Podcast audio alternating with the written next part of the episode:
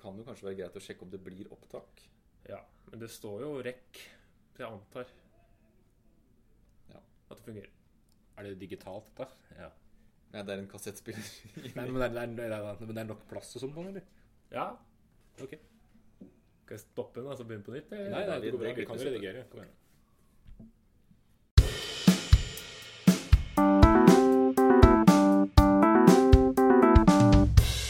Den gang da. Hei og velkommen til denne første episoden av denne historiske podkasten Den gang da. Mitt navn er Henning Mortensen. Jeg skal lede dere gjennom denne episoden, som er den første i en programserie på seks podkaster, med sikkert varierende kvalitet og entusiasme, men vi begynner så godt vi kan. Eh, Dette er jo en slags uhøytidelig historiepodkast, da. Men eh, med en litt alvorlig side òg. Men vi tar ikke den alvorlige siden så seriøst til å begynne med, i hvert fall. Og med meg så har jeg min eh, faste paneldeltaker og programmets faglige ansvarlige, Hans Rosvold Hontvedt. Takk for det. Kan ikke du eh, fortelle gamle og nye lyttere litt om deg selv? Ja, først og fremst nye, kanskje, i og med at dette er første program. Jeg eh, heter Hans Wilhelm Rosvold Hontvedt, som du så fint sa. Jeg Er historielærer, blant annet. Beveger meg innafor humaniorafag generelt. Og setter veldig pris på at jeg får lov til å være faglig ansvarlig. Ja, det er en tittel jeg egentlig ga deg for å slippe å ha noe faglig ansvar. Ja, nei, jeg regna med det, men det går fint. Uh, I tillegg så har vi jo da dagens gjest. Uh, ikke Håkon, ikke Trygve, men Jørgen Lie. Takk for det. takk for det. Kan ikke du fortelle lytterne litt hvorfor vi inviterte deg? Jo, jeg er jo gjest, da. Setter veldig pris på det. Hyggelig å være gjest. Eh, jeg er jo historielærer, da. Uh, ligner jo mye på Hans sånn i fagbakgrunn. Mye humaniora og myke fag. Musikk og religion er vel stort sett det er egentlig. Eh, selv om jeg later som jeg er norsk, norsklærer i tillegg. Men historie er på en måte faget, da. Spennende. Så det er flaks at vi har det historie som tema i dag, da. Siden dere Ja, er det- historielærere begge veldig- to. Veldig Veldig flaks, tror jeg. Ja. Eh, I dag så skal vi ha dagens tema. Det er eh, våre personlige historiske favoritter. Og det tenkte vi skulle introdusere med, slik at eh, dere lyttere skulle bli litt bedre kjent med oss, da. Og Jørgen, da, som er her i dag som gjest. Eh, Så vi begynner egentlig rett på, da. Dagens eh, historiske tema, som sagt, er favoritter. Favorittperiode er vår første tema. Hva er din favorittperiode, Hans? Jeg begynner, ja. Favorittperiode det, Jeg tror kanskje jeg må si 1700-tallet. Eh, opplysningstid og rokokko eh, osv. I miks, eller? Ja, en Sammen? miks, ja. Nei, altså alt dette her glir jo litt over i hverandre, men eh, jeg antar at du vil jeg skal underbygge det her òg. Gjerne, gjerne en og det, forklaring. ja, det, det handler vel mye for meg om dobbeltheten i den perioden der. At det er en periode som preges av ja, vitenskapelig framgang og filosofi som, eh, som angivelig skal føre verden videre i en sånn fremtidsoptimisme. Samtidig som mye av det som skjer, ligger ganske langt unna opplysning. Eh, altså at eh, idealene som oppnås, oppnås ikke gjennom idealene. si det sånn, da. Så det er ikke bare fordi du liker kruseduller og dill og dall og parykker Jeg ser for meg bare veldig sånne svære, voluminøse skulpturer. Ja, Ja, mer av, det, mer av det i Det er kanskje også noe, da. For det, er mer av det i barokken, kanskje. Eh, når du får liksom den rokokkoen, så får du en sånn ja, forminskning av barokkens monumentale formspråk. Men det er fortsatt stort. Det er svært, men smått på en gang. Da. Så du har mye sånn Nips-gjenstander. Du har eh, kammerkonserter fremfor svære orgeloratorier. og du har eh, små sjangre. eh, Små dikt, små essays. Eh, og innafor historien så er det det er revolusjoner. Det er stas, selvfølgelig. Eh, I tillegg til at du har ideene som ligger bak eh, de revolusjonene. Som, eh, som taler for frihet og likhet og alt sånt. Og så dreper revolusjonene stort sett seg sjæl. Og det taler imot den friheten og likheten. Ja. Ja, ja, ja, Jeg hang- jeg hang meg bare opp i nips, jeg. Ja, jeg var det eneste jeg tenkte på, de der eh, lysestakene med sånne brannfarlige ting Ja, nederst. nei, for, ja, nei, siden, hvis du ser for deg et eh, 1700-talls hjem, da, hvor folk skulle ha så mye som mulig nips, eh, for å forente meg sjæl små skilpaddefigurer i skilpaddeskall fra Kina, på en måte. Høres Eh, ut som bestemora mi. Ja, ja. Man holdt eh, norske intelligenssedler, altså første avisa. Du har en borgerlig offentlighet som vokser fram. Og man møtes på i kafeer, og det er masse sånne, sånne gøye ting. Eh, alkoholkultur som er uovertruffen i historisk sammenheng. Det høres ut som bestefaren min igjen. da. Ja, så det er, det er fint at, eh, at du klarer å koble det her opp til ditt eget liv. Eh, jeg tror de fleste klarer det med 1700-tallet, fordi møtet er der mellom det tradisjonelle og det nye. Ja, takk for den. Eh, Da er- du hører med deg, da, Jørgen. Hva er din eh, periode? Det er vel rett og slett antikken. Eh, Du kan jo selvfølgelig vekte enten den greske varianten eller den romerske varianten. Jeg liker jo best den siste. Jeg liker, eh, I likhet med Hans da, så er jeg veldig glad i det grandiose, det store. Eh, Det svære perspektivet ved Romerriket som periode i størrelse og utstrekning og ikke minst ambisjoner. At man har på en måte et, eh, et konsept som er å utvide, bli så stort som overhodet mulig. Og så mer eller mindre klare å beholde denne storheten da, gjennom en lang, lang periode. Høres litt ut som faren min. Han faren eh, ja. jobber for å bli så stor som mulig. Hvilken retning? ja, begge veier, Begge veier, ja. Ja, alle fremdeles? veier. Ja. Nei, han har vel slutta å vokse i høyden. Ja. Eller blitt trykt litt sammen. Trygt sammen, ja. Skjønner. Omtrent som uh, splittelsen da, av Romerriket. Godt sagt. Vokser først, og så trykt litt sammen. Ja.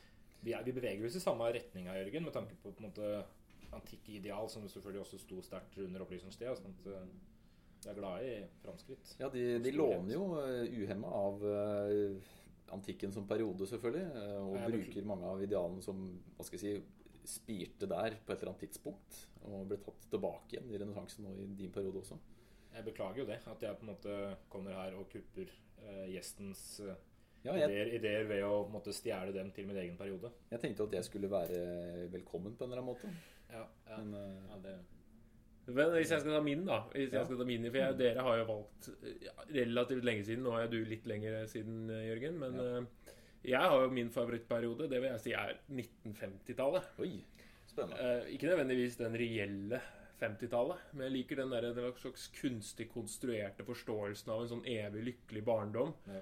Hvor liksom mor var hjemme og lagde hjemmelagde vafler og bløtkaker hver dag, og den største gleden i livet var liksom en appelsin til jul og leke med kongler og ut og leke med barna. Jeg, synes, jeg ser liksom for meg den tryggheten. Einar Gerhardsen er liksom ror og Men tenker du at det er et glansbilde? ja, men jeg, jeg liker det glansbildet. da Det glansbildet som er min eh, personlige favoritt. Ikke nødvendigvis den faktiske og kalde krigen og Sovjet, og, men liksom den tanken om sånn evig lykkelig barndom og litt der jeg skulle ønske noen ganger at jeg var. da Så 50-tallet blir på en måte som Norges lykkelige barndom etter krigen. på en måte At eh, ja, gjenreisinga blir en sånn form for Ja, fødsel og oppvekst. ja den der tryggheten med at eh, Jeg vet jo, det var, det var jo selvfølgelig ikke nødvendigvis en følelse av konstant trygghet, men min opplevelse av 1950-tallet med liksom øh, ut og ja, den derre knebukser og strømper og Mor, mor, kan vi være så snill å få en, eh, få en eh, rosin? Det er kongle. Ja da, du skal få margarin på skivene dine også. Ja, nei, jeg ser den. Men, men det er jo også begynnelsen av velferdsstaten. Da. Det, er jo, det. det er jo ikke bare glansbildet, som vi sier. Det er jo absolutt trekk der Ja, som ja. er veldig trygghetsskapende. Da. Absolutt. Det er jo selvfølgelig en periode som har hatt viktig betydning for norsk utvikling og norsk politisk utvikling, og, men det er ikke så farlig. Det, Det er så farlig, nei, det er familielivet, barndommen, som jeg Ja, okay. Det- idealiserer. Jeg er fullt klar over at jeg idealiserer det, men jeg, jeg liksom beholder det som en sånn trygghet i min tilværelse at en gang var alt bra. Ja, Idealene er viktige, de, for så vidt. Man trenger ikke bare se på Arbeiderpartistaten og alt det der. Man kan holde på de vakre skildringene og hva heter det, Støv på hjernen, alle disse filmene. De som, det, er jo, det er jo fine, det er jo gøye ting. Ja. De skildrer eh, storbyliv og kos på Nå er jo støv på hjernen kanskje et sånn oppgjør med denne her eh, husmorsidealet og hvordan eh, kvinnen på en måte var en slags evig slave i eh, støvtyranniet. Men jeg heier liksom litt på den der introduksjonen i den filmen. I når mor var opptatt av å ha et så pent hjem som mulig. Mm. Hvor barna kom hjem og ikke skulle forstyrre far når far skulle lese avisen. Og, Mm. Men Nei, det, kan jeg bare trekke en parallell? Jeg bodde i Oslo eh, før jeg flytta til eh, Norges metropol Drammen. Eh, Og der bodde jeg i en sånn typisk Gerhardsen-leilighet som var fra 1947, bygd i, likhet like etter krigen. da Lambertseter. Nei, eh, Sofienberg. Okay. Jeg liker jo Tøyenbadet. Eh, og de er jo på en måte Det var jo selve idealet på 50-tallet. Altså å ha en sånn leilighet. For en lykke. Altså et kjøkken som var plass til å snu seg, f.eks. Uh, det var jo veldig positivt. Eh, og glassverandaer, da, hvor man hadde på en måte utsikt, men privatliv.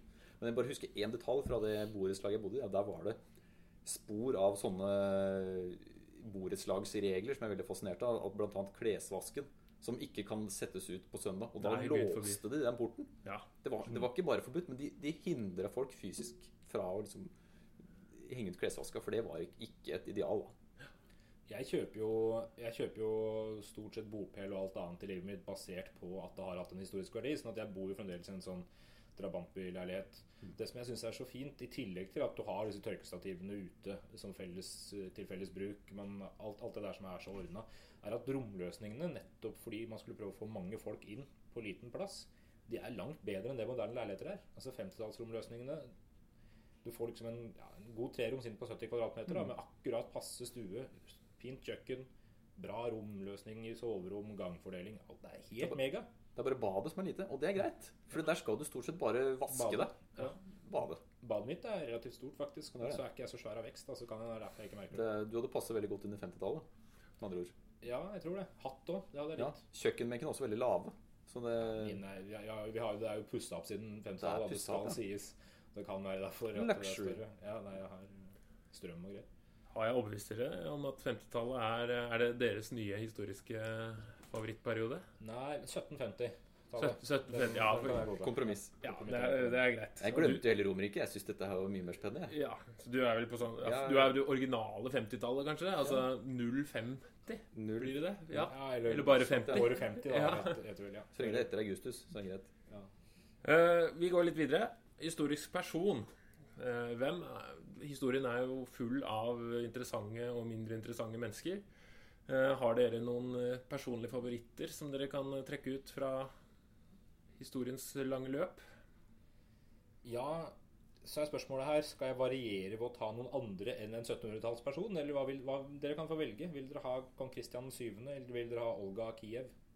Uh, jeg tar Kristian 7. Jeg er også Kristian. Ja. Da blir det Kristian 7. Eh, Det som er morsomt med Kristian 7., som er eh, dansk-norsk konge på andre halvdel av 1700-tallet, er at han eh, ja, altså, Folk flest ble konge i relativt tidlig alder fordi man ikke levde så lenge og fikk barn tidlig. Så at eh, han Han ble konge da han var jeg husker ikke helt 17 år eller noe sånt. Uh, ble gifta bort til, eller omvendt, til en britisk prinsesse som het Caroline Mathilde. Og hadde en del snurrige tendenser i sin oppførsel eh, som eh, monark og i det hele tatt eh, noe han hadde fremvist fra barndommen. Ut ifra dagens normer så kan man anta at han var klinisk gal. Problemet er at man anså det bare som eksentrisme fordi man var kongelig. Og det er noe med det at fattigfolk er gale, rike folk er eksentriske. Og er du konge, så tillater du deg mye. Men han, han hadde en ganske utsvevende livsstil der han piska prostituerte. Hadde sadomasochistiske skuespill på Slottet. Fikk eh, venner av seg, ja, baroner og grever og greier, til å ja, piske seg sjæl eh, under litt heftige fester. Ehm, og så var det noe med det at det var ikke så rart på den tida at konger hadde elskerinner. Og han hadde også det problemet oppstår først når han skaffer seg en elskerinne som hadde et visst rykte i København. Hun het Støvlett-Katrine. Vi kan anta at hun ikke var døpt, døpt uh, Støvlett-Katrine, men uh, hun var en av Københavns bedre prostituerte, da. Hun hadde sko. Hun hadde støvletter, Ja, støvletter. Og han var altså Hun var altså hans elskerinne. Dette her uh, Dette her ser ikke helt bra ut i kongelige kretser.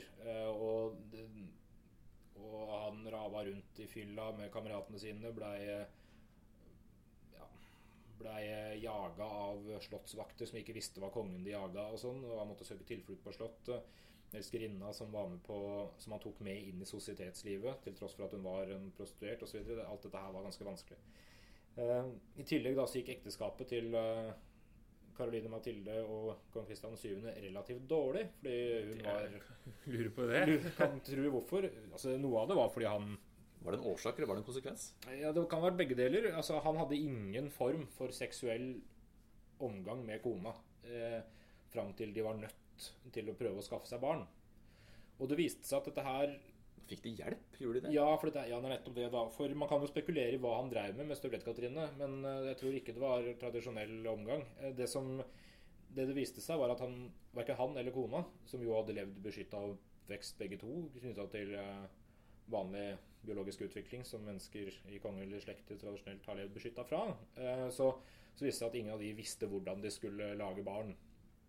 Og, og sleit noe voldsomt med det her. da, Det kom jo ikke noen unger. Så det, det, det førte til at noen tjenere og stuepiker og sånn måtte bistå eh, i akten for å prøve å hjelpe disse to her. da, Bokstavelig talt. Guide? Ja, nei, altså, ja, bokstavelig talt hjelpe han med å føre, føre den inn da, i, i dronninga. Eh, de fikk etter hvert et barn. Eh, og det var greit, en sønn, så da er jo den redda, egentlig. Men så får han også da en, en livlege. Fordi han trenger litt hjelp. Man skjønner at han begynner å bli gæren. Han kaster møbler ut fra der balkongen på Slottet og sånn, og det blir liksom ugreit. Så derfor får han en, eh, en dansk-tysk eh, lege som heter Struense, som skal hjelpe til og hjelpe kongen her. Problemet her er at Strunse har eh, lest litt vel mye opplysningsfilosofi, eh, som faktisk er mulig å lese for mye av, tydeligvis. og han er veldig glad i opplyst enevelde. Det han eh, bestemmer seg for, er at han skal prøve å påvirke kongen så mye som mulig med disse opplysningsideene. Etter hvert så går dette så langt at han erklærer kongen såpass sinnssyk at, han, at det, det holder at Struenses underskrift eh, står på lovene for at lovene skal være gyldige, så man trenger ikke lenger kongens underskrift, det holder med legen. Og når da legen i tillegg har lest veldig mye opplysningsfilosofi, så får en del radikale lover. Lover som i dag virker ganske åpenbare, men som på 1700-tallet nok sto fjernt fra folk flest. Og Her snakker vi om uh, uinnskrenka ytringsfrihet. Han uh, trakk tilbake en hel del privilegier fra ad adelen osv. Og, det er når det begynner å gå dårlig, da, for da begynner Struense å få fiender. I tillegg så innleder Struense et forhold til kona til kongen, altså dronning Karoline Tilde, som selvfølgelig ikke er fornøyd med ekteskapet sitt. Merkelig nok. Når hun da får et barn til, så er det ingen tvil om at det her er Struenses barn. Selv om kongen velger å anerkjenne det som sitt eget. Litt ubevisst, eh, eller uvisst om han var klar over noe som helst, eller om han bare dalla rundt i tåka. Men uh, ungen ble i hvert fall anerkjent. Men så topp, dette her toppa seg, for dronninga skulle tross alt ikke ha elskerinner, selv om kongen hadde det. Det, det sa seg sjøl. Så da så da blir Struens anklaga for majestetsfornærmelser. Han blir henretta og dør.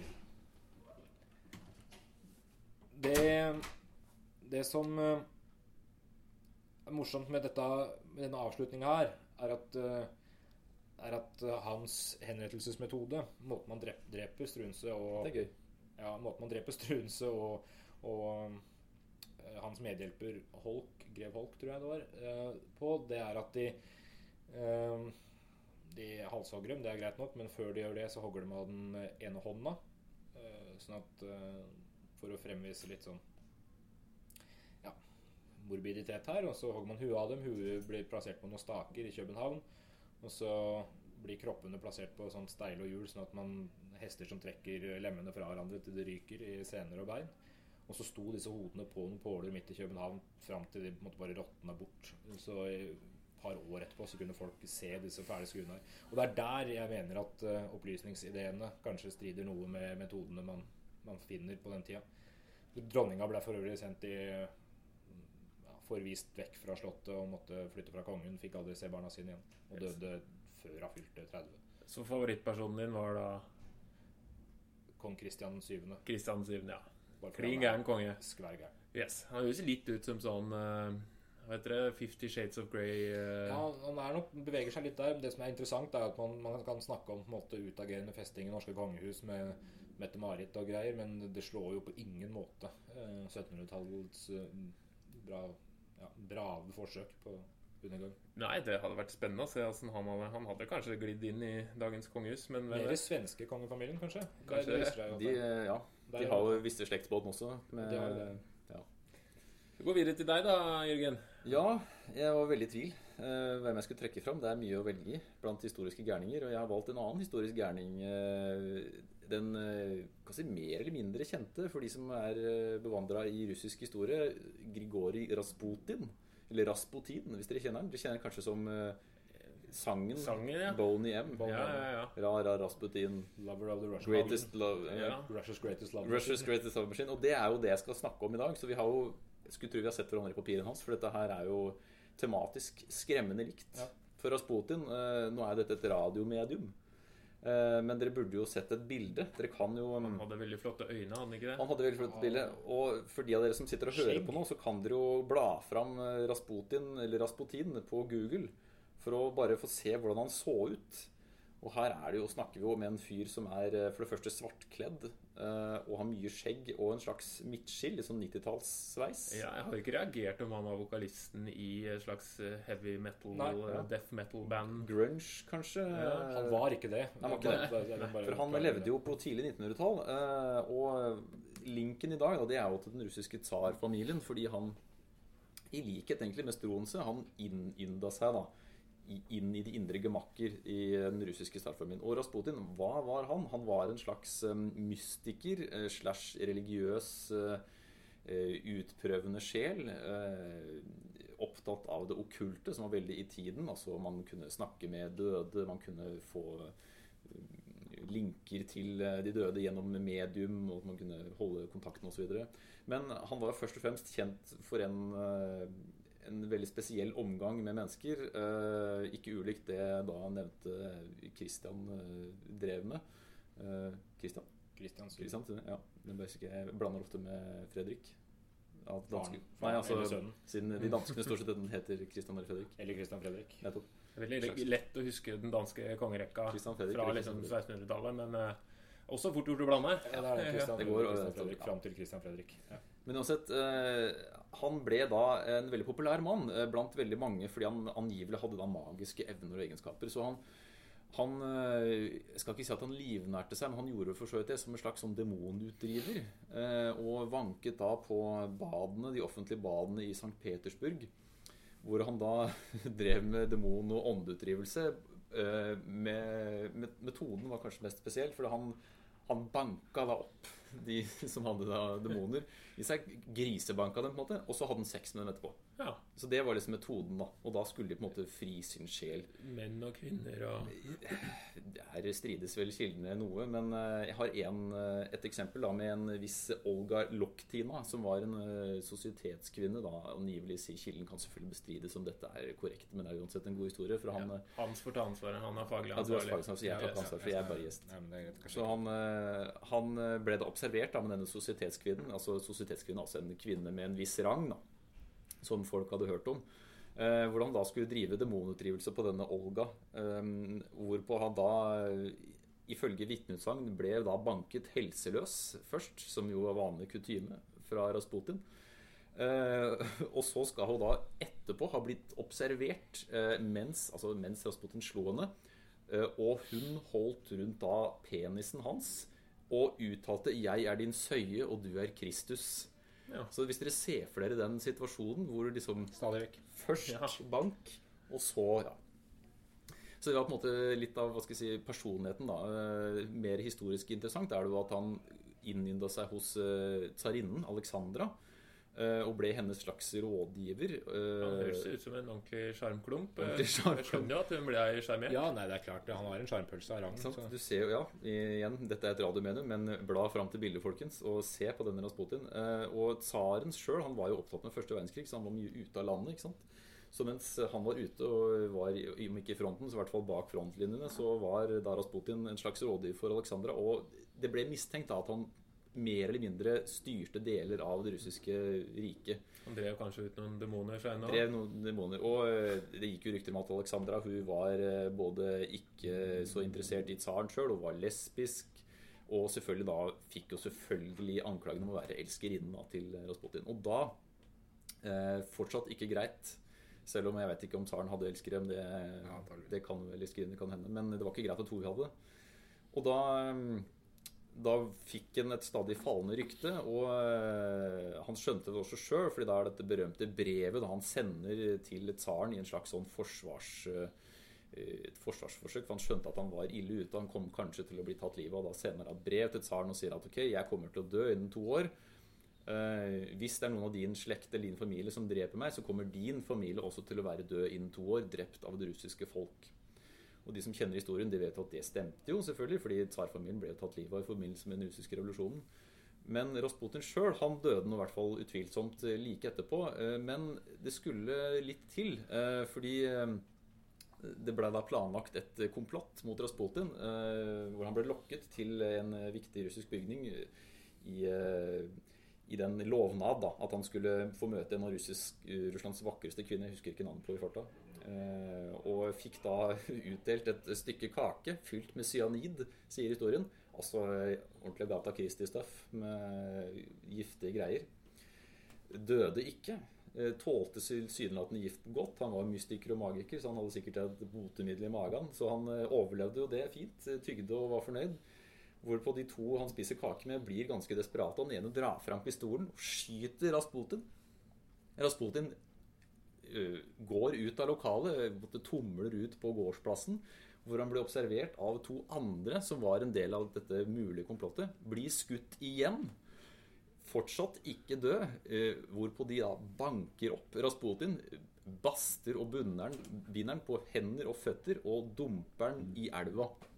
Ok, well done. Bli, da Liket blir da funnet to dager etterpå. Ja, han døde faktisk, men det viser seg jo at han har selvfølgelig også vann i lungene. Og det beviser jo at han da har pusta etter at han detter ut i vannet. Så det viser jo obduksjonsrapporten. Hardhaus, han er eh, Innmari ja. hardhaus. Så ja, hvor mye som er myte, hvor mye som er historie, det er for meg uinteressant. Dette er en god historie. Som programleder så vil jeg jo si at alt er historie. Som faglig ansvarlig så får jeg la heller hva, Ja. avgjør, hans avgjøre hva som er Ja, jeg er jo bare gjest, så jeg kan jo komme ja, og trekke med hva jeg vil. Nei, han, det, det er nok eh, det er, ganske stor usikkerhet rundt selvfølgelig hva han faktisk overlever og tålte. Men Du kan jo også bare spekulere om giften han fikk, var dårlig. Eh, Det skjer jo stadig vekk.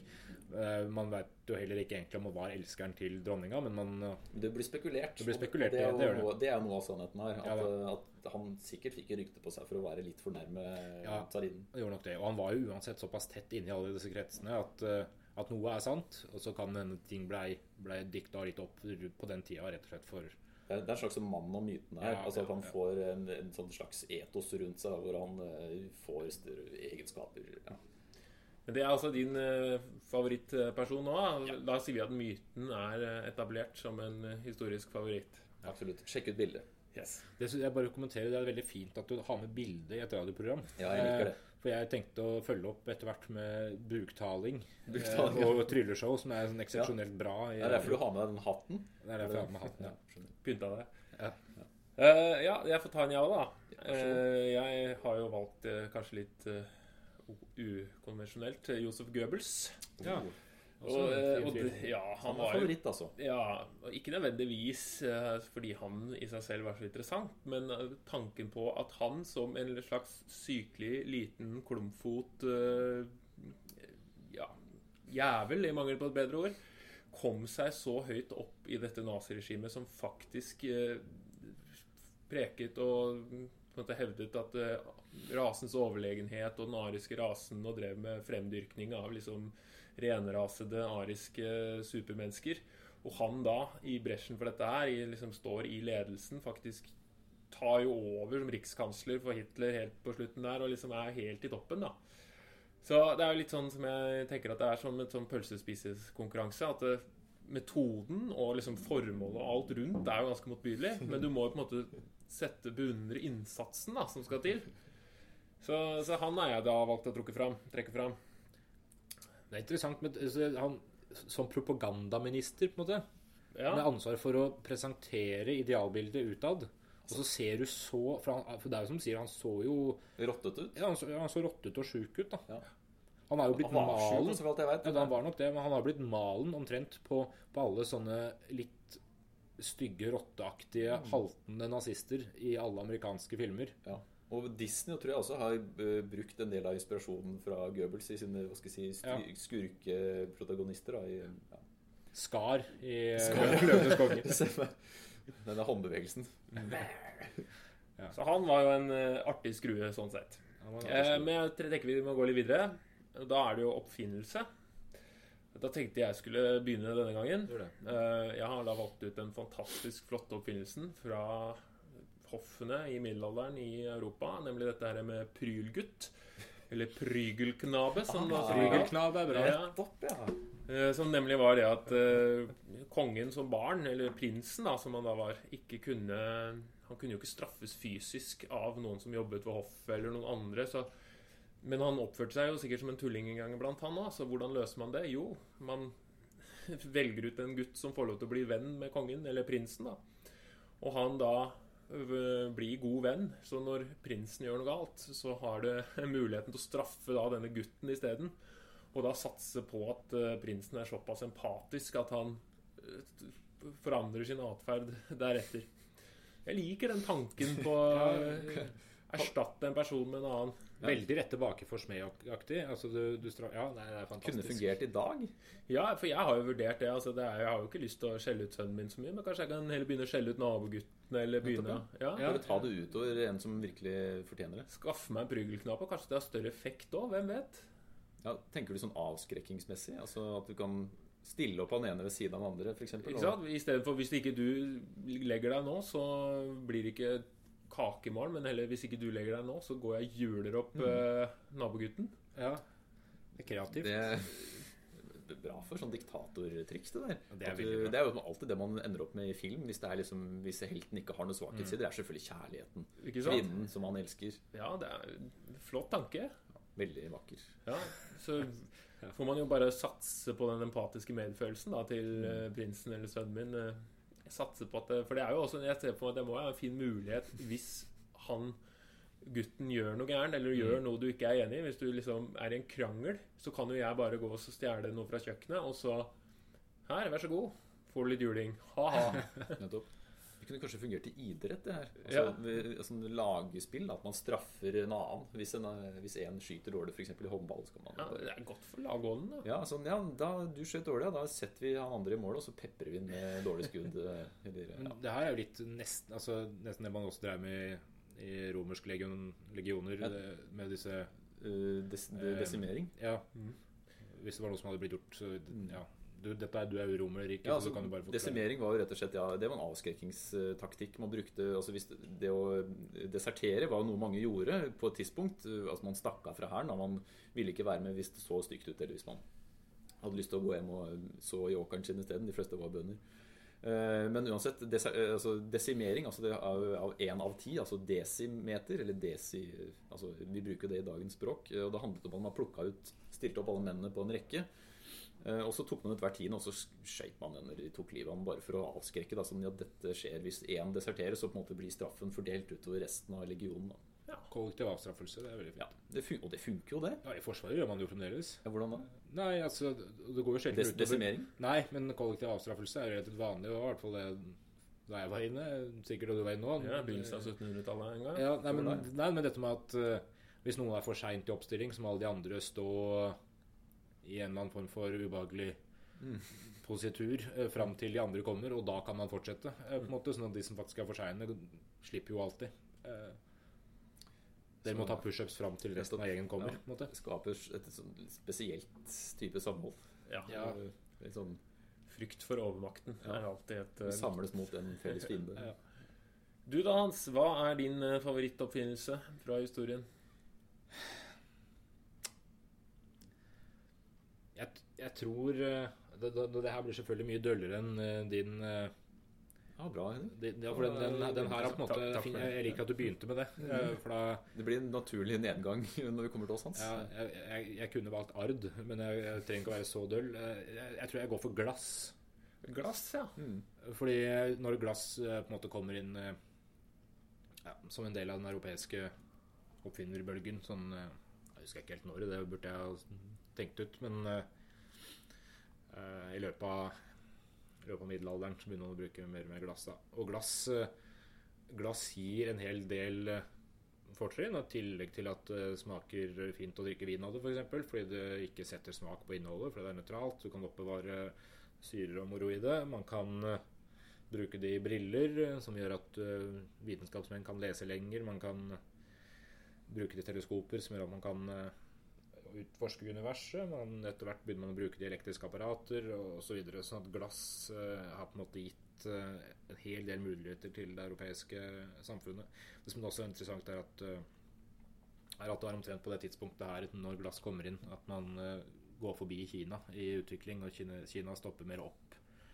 Fordi de ikke har bruk for glass, og de finner aldri opp glasset. De drikker ikke vin, de drikker te, og det drikker de stort sett av eh, keramikk som de har funnet opp.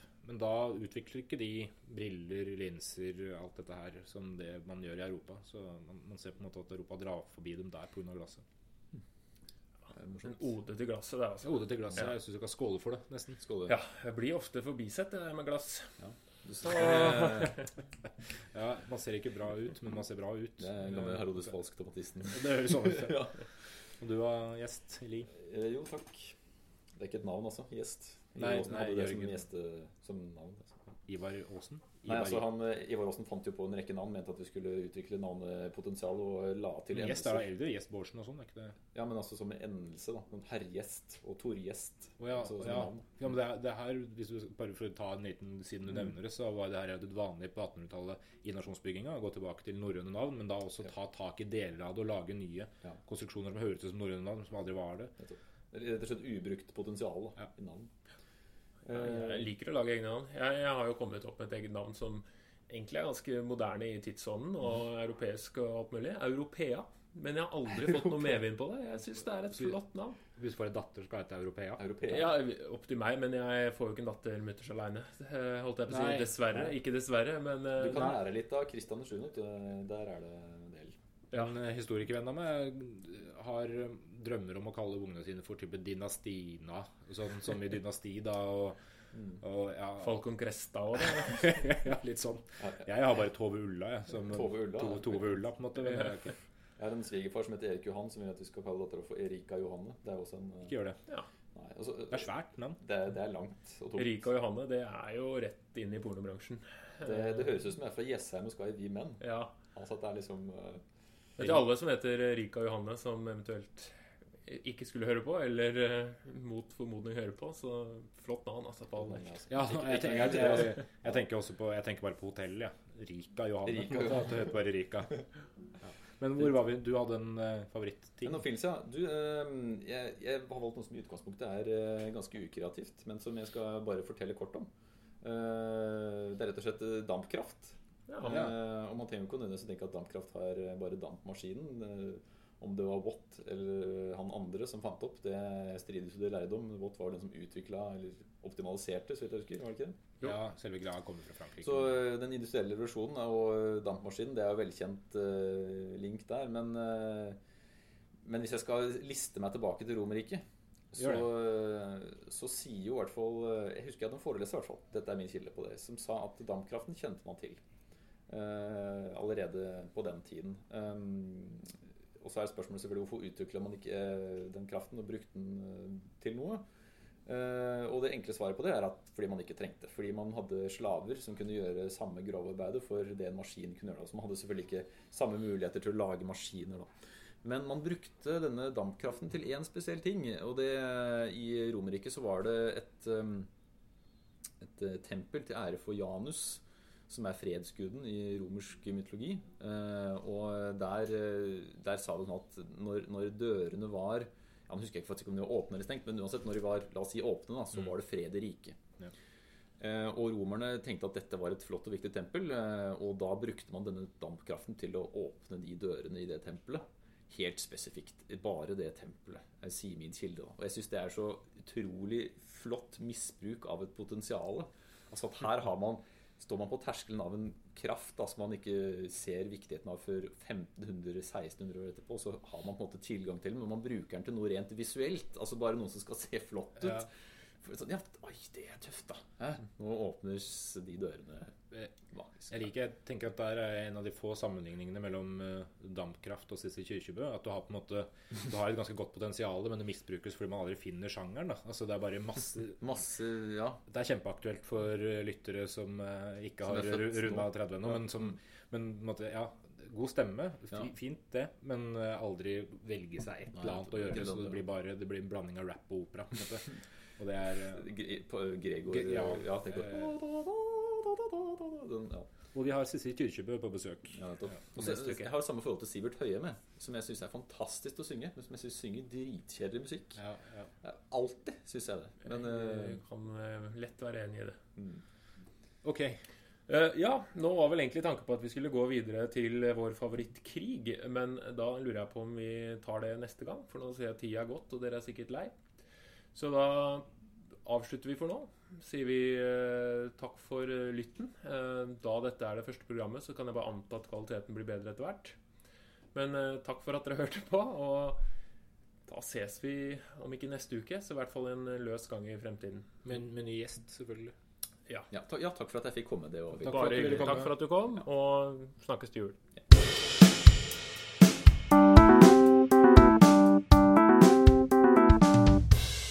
零零講。